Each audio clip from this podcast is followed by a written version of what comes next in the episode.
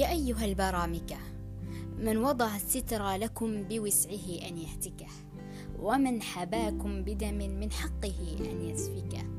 قد ترك الماضي لكم عبرته فلتأخذوا العبرة مما تركه.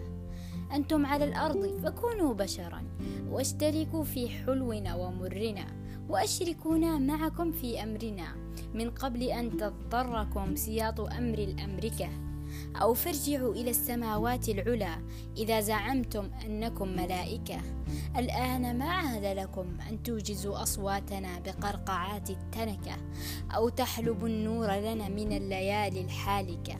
عودوا إلى الواقع كي لا تقعوا وحاولوا أن تسمعوا وأن تعوا كل الثراء والثرى ملك لنا وكلكم موظفون عندنا. فلنمشي في معترك السلم معا.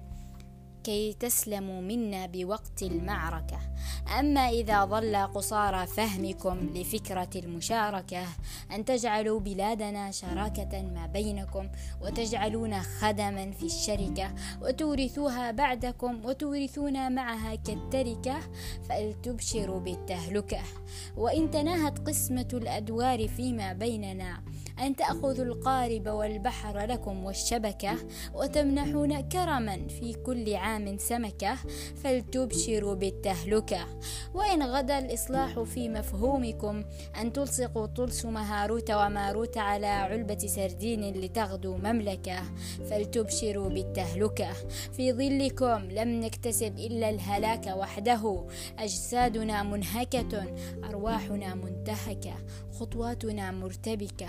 أوطاننا مفككة لا شيء نخشى فقده حين تحل الدربكة بل إننا سنشكر الموت إذا مر بنا في دربه لنحركم فكل شر في الدنا خير أمام شركم.